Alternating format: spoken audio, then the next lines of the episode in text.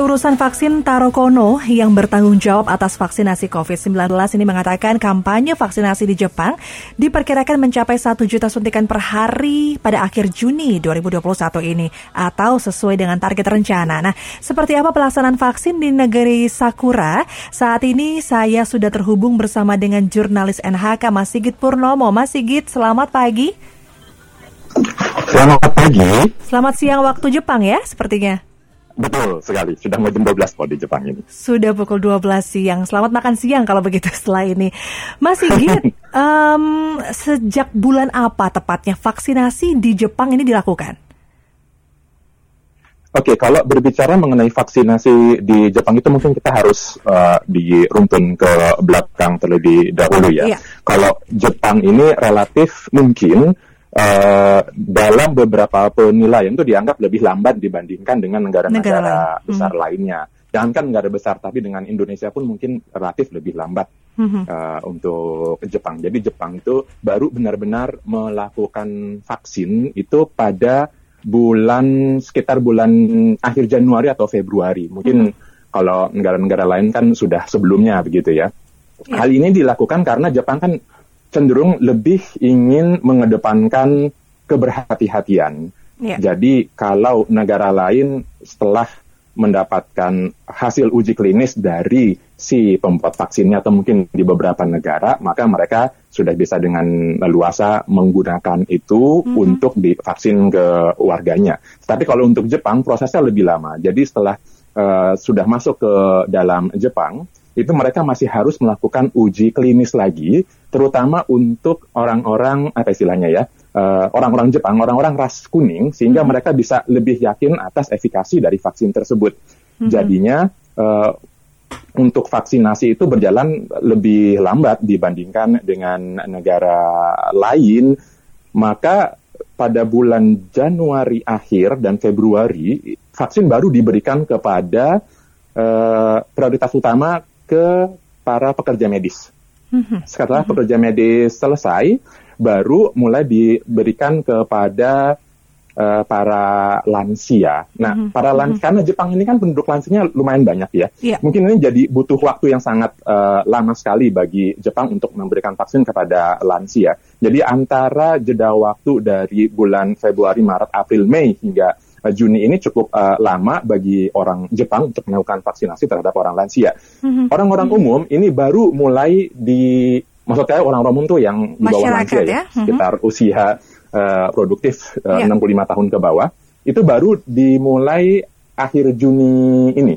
Jadi pertengahan Juni ini sudah mulai keluar pengumuman bahwa dan itu pun juga tergantung dari setiap wilayah masing-masing uh, ya karena mm-hmm. kan setiap daerah itu mempunyai karakteristik penduduk yang berbeda-beda. Misalnya kalau misalnya wilayah itu lebih banyak penduduk uh, lansianya, maka otomatis uh, untuk yang penduduk aktifnya akan lebih lama lagi untuk mendapatkan uh, vaksinasinya. Yeah. Jadi uh, sekarang untuk Jepang baru mulai masuk tahap ke uh, yang uh, usia aktif untuk mendapatkan vaksin. Mungkin berbeda dengan Indonesia yang sudah mulai atau sudah ya. divaksin yeah. untuk orang-orang uh, usia aktif itu dari awal tahun ya kalau nggak salah kalau di Indonesia kan ya. Uh, sama sebenarnya dari Januari juga kami untuk nakes terlebih dahulu. Artinya berarti di Jepang ini uh, di akhir Januari waktu itu untuk tenaga kesehatan terlebih dahulu ya sampai dengan lansia. Betul betul. Aha. Untuk vaksin yang digunakan apa nih Mas Sigit?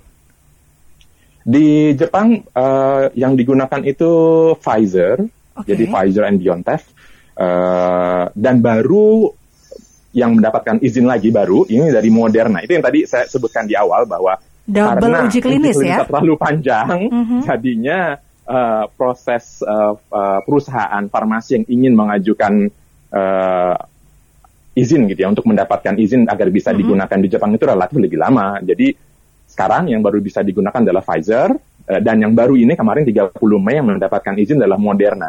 Mm-hmm. Dan mm-hmm. sekarang ini sepertinya sudah akan masuk tahap akhir untuk uh, uji klinis di Jepang sendiri dan kemungkinan akan bisa disetujui ya dari AstraZeneca. Tapi itu pun masih belum belum belum belum diketahui secara pasti kapannya untuk AstraZeneca. Jadi mm-hmm. efektif sekarang yang masih digunakan adalah Pfizer dan Moderna. Oke, artinya memang Jepang ini uh, mengimpor begitu ya untuk vaksin uh, dan da- melakukan double uji klinis. Begitu sampai di Jepang dilakukan uji klinis kembali. Betul, seperti ya. itu, Rara. Baik, Mas Sigit, um, untuk jumlah presentase penduduk Jepang yang sudah divaksinasi saat ini sudah berapa persen? Kalau dari rata-rata ini dari informasi terakhir yang saya punya ya dari minggu lalu karena mereka biasanya mengeluarkan uh, informasi data itu setiap hari Kamis hari ini sesungguhnya, yeah. tapi baru sore nanti mereka baru mengeluarkan. Mm -hmm. Jadi untuk pekan ini saya belum punya dapat informasi pasti, tapi dari pekan terakhir yang kemarin itu uh, baru sekitar 8% dari populasi Jepang yang mm -hmm. sudah mendapatkan vaksinasi. Mm -hmm. Oke, okay. dan ini baru akan dimulai dibuka untuk masyarakat umum dengan usia produktif, begitu ya Mas Sigit?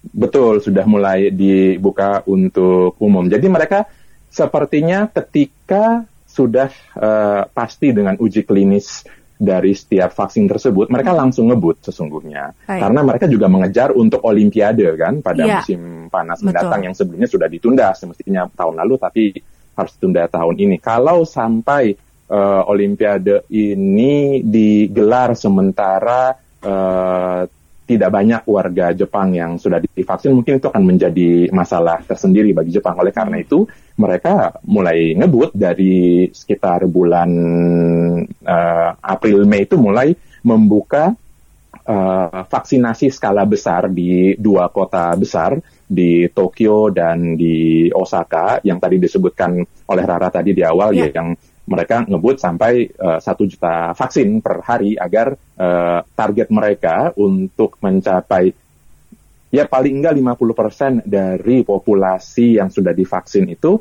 bisa tercapai sekitar bulan uh, Juli atau Agustus ini. Uh, untuk kondisi WNI sendiri di Jepang seperti apa, Mas Sigit? Kondisi ini dalam kondisi apa? Dalam kaitan dengan COVID ya atau bagaimana? Kaitannya dengan COVID tentu saja.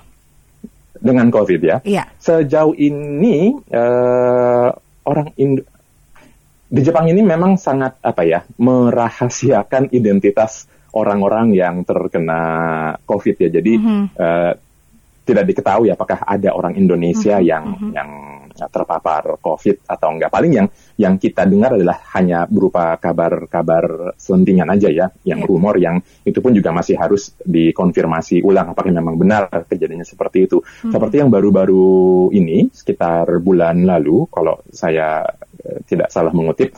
Jadi disebutkan ada satu klaster di wilayah Osaka itu yang melibatkan orang-orang Indonesia Oke. Okay. Tetapi itu pun juga masih harus dikonfirmasi ulang karena memang mm-hmm. uh, tidak ada uh, data pasti mengenai itu karena Jepang sangat merahasiakan identitas ah, okay. setiap orang yang terpapar COVID.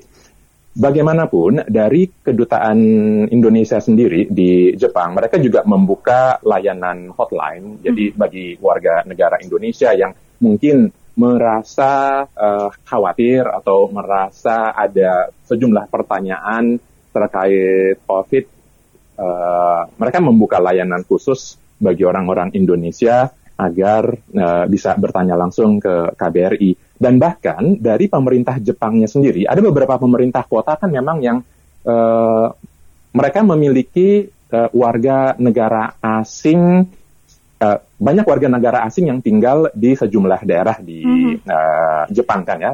Kayak misalnya ada satu daerah di Jepang yang mungkin lebih banyak warga negara Indonesia-nya karena mungkin itu daerah pabrik atau mungkin daerah uh, manufaktur yang banyak uh, membawa uh, tenaga kerja asal Indonesia. Jadi ada beberapa uh, prefektur di Jepang itu yang menyediakan layanan informasi mengenai COVID dalam bahasa Indonesia. Mm -hmm. Jadi itu untuk mempermudah bagi warga negara Indonesia jika mereka memang memiliki pertanyaan secara khusus ya, yang ingin mereka ketahui secara detail mengenai COVID. Jadi mereka bisa langsung bertanya ke sana dengan bahasa Indonesia bagi mereka yang mungkin tidak bisa berbahasa Jepang ataupun tidak bisa berbahasa Inggris. Baik, Mas Sigit Purnomo, terima kasih sekali waktu yang berbincang dengan Sonora pagi hari ini. Selamat melanjutkan tugas, stay safe Mas Sigit. Iya, sama-sama. Sehat juga di sana ya. Iya, salam untuk teman-teman semua di Jepang.